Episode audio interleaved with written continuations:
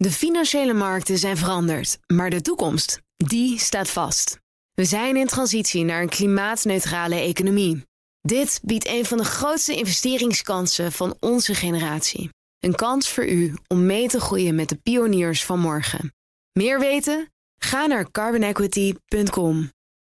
Carbon Equity. Do good by investing better. Een goedemorgen van het FD. Ik ben Hella Huuk en het is donderdag 24 november.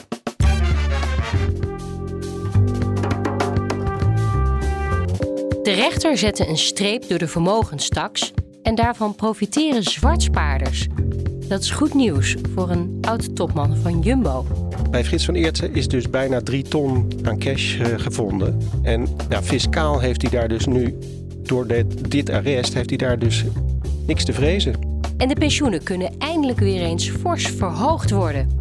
Ja, eigenlijk is dit jaar alles anders. Want inderdaad, de afgelopen, nou, sinds de kredietcrisis eigenlijk, stonden heel veel pensioenen heel lang stil. Dit is de dagkoers van het FD. Spaarders die hun zwarte geld in cash verborgen houden, lijken geluk te hebben. Door een arrest van de Hoge Raad vist de Belastingdienst achter het net bij deze groep. Onderzoeksjournalist Bart Mos legt eerst uit waarom de rechter een einde maakte aan de vermogenstaks. Ja, de Hoge Raad eh, die vond uh, die vermogensrendementsheffing uh, geen goed idee. Daar hebben ze gewoon een, streep doorheen gehaald en wel met terugwerkende kracht.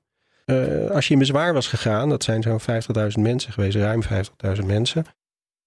In bezwaar was gegaan tegen die heffing, dan heb je gewoon je, je, krijg je, belasting terug. Of voor een deel hebben die mensen hun belasting al terug over de afgelopen vijf jaar. Wat, wat is dan de link met het, met het zwarte geld? Waarom is dit arrest voordelig als je grote sommen cash thuis hebt liggen? Het is voordelig voor mensen die veel cash in huis hebben omdat de Belastingdienst over cashgeld maar vijf jaar terugrekent als je dat niet hebt opgegeven. En de mazzel die die zwartspaarders nu hebben, is dat die vijf jaar, dat is nou precies de periode dat de Hoge Raad die vermogensheffing heeft ongedaan gemaakt. Dus vanaf 2017 is er nul heffing over vermogen. Dat is vijf jaar geleden. Dus als je cash geld hebt kan de Belastingdienst daar niks meer over heffen. En ook geen boete. Die boete die wordt, uh, die wordt berekend op basis van de niet betaalde belasting. En die, die belasting is nul. Dus de boete is een percentage daarvan. Kan oplopen tot 300% 300% van nul heffing is nul boete. Dus er kan niet een boete opgelegd worden en er kan niet nageheven worden. Maar ja, zwart geld hebben we natuurlijk geen zicht op. Is er iets te zeggen over wat de Belastingdienst nu misloopt?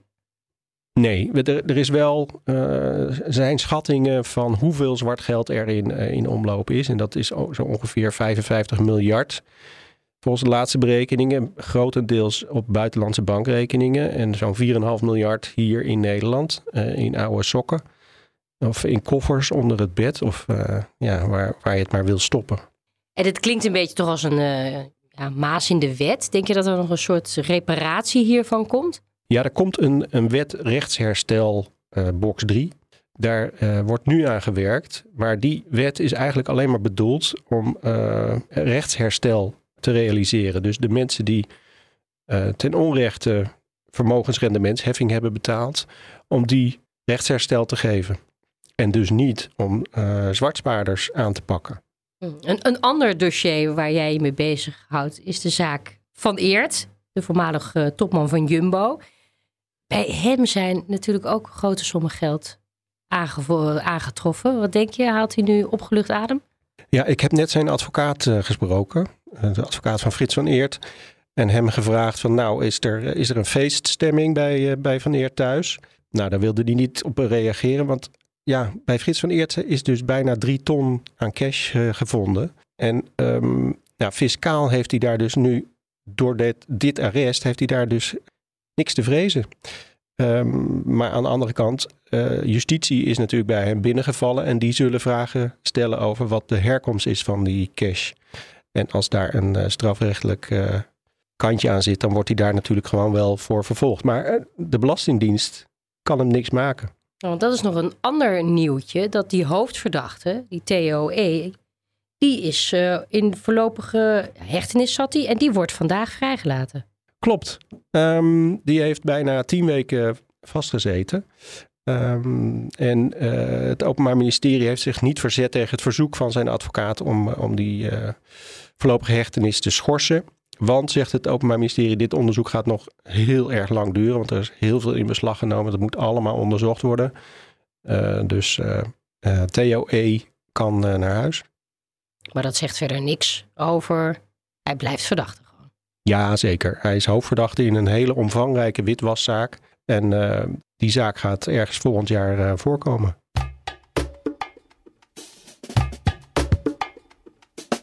Het pensioenfonds voor de bouw verhoogt de pensioenen met meer dan 14,5 procent. Nog nooit eerder gingen de pensioenen voor bouwvakkers zo hard omhoog. Puxi volgt de pensioenen en vertelt waarom het pensioenfonds dit doet.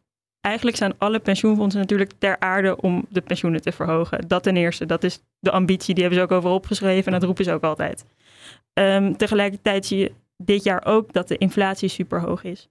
En die inflatie, dat is een van de middelen waarmee pensioenfondsen rekenen hoeveel de pensioenen omhoog kunnen. Dus ze volgen of de loonontwikkelingen of de prijsindex. Een bouw volgt de, de prijzen.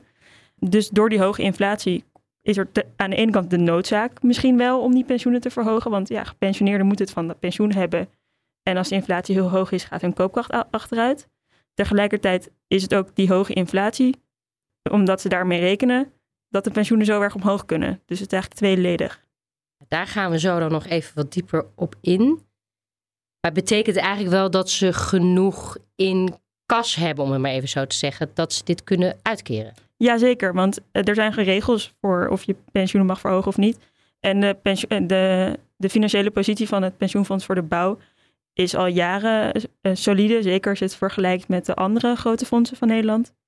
En ja, bouw stond er gewoon, staat er heel goed voor. Als ze straks al dat geld hebben uitgekeerd, iets minder goed. Maar die hebben een hele hoge dekkingsgraad, heet dat dan. Dus ik kan niet meteen ervan uitgaan dat dit ook in andere sectoren en bij andere pensioenfondsen gaat gebeuren. Nee, 14% is wel heel erg hoog. Alhoewel, ik zag wel dat bijvoorbeeld de cameramensen van, uh, die bij van PNO Media hun pensioen krijgen, krijgen ook een pensioenverhoging van ongeveer 13% erbij. Maar dit zijn wel echt hele hoge bedragen. Je begon er net al een beetje iets over te vertellen.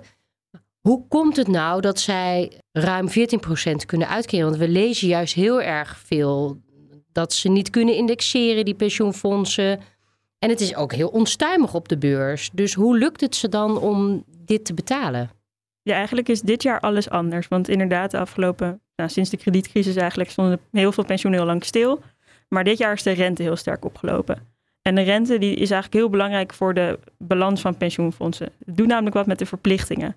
Als de rente oploopt, dan hoeven pensioenfondsen minder geld in kas te houden om alle pensioenen in de toekomst te betalen. En nou, dit jaar is dat dus zo.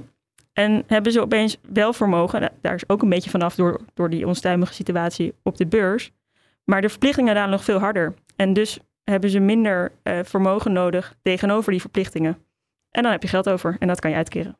Ik snap het. In 2023 moet het nieuwe pensioenstelsel van kracht worden. Welke invloed heeft dat op de verhoging van de pensioenen? Nou, aan de ene kant zijn in aanloop naar het nieuwe stelsel de regels voor verhoging versoepeld. Dus pensioenfondsen kunnen nu uh, wat makkelijker en wat sneller uitkeren. En je ziet dat bijvoorbeeld de verpleegkundigen hebben hun pensioenverhoging echt daaraan te danken, want zonder die versoepelde regels was het niet gelukt. Aan de andere kant is er ook, ja, dat nieuwe pensioenstelsel is echt een enorme stelselwijziging. Dat hebben we al decennia niet gezien. En daar, ook, daar is ook uh, geld voor nodig om die overstap te maken. Dus je wil als pensioenfonds misschien ook wel daar een buffer voor aanhouden. Dus dat soort echt voor kopzorgen bij de, bij de bestuurders op dit moment, die nog een indexatiebesluit moeten nemen. Van ja, je wil al die mensen wel uh, wat geld geven, want de inflatie is hoog. Maar ja, wat gebeurt in de toekomst?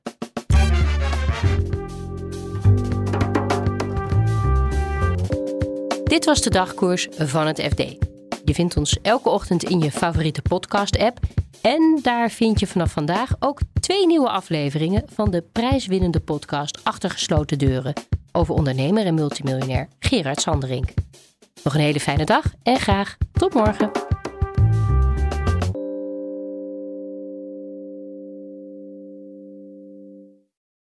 De financiële markten zijn veranderd, maar de toekomst, die staat vast.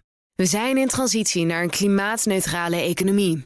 Dit biedt een van de grootste investeringskansen van onze generatie. Een kans voor u om mee te groeien met de pioniers van morgen. Meer weten? Ga naar carbonequity.com. Carbon Equity. Do good by investing better.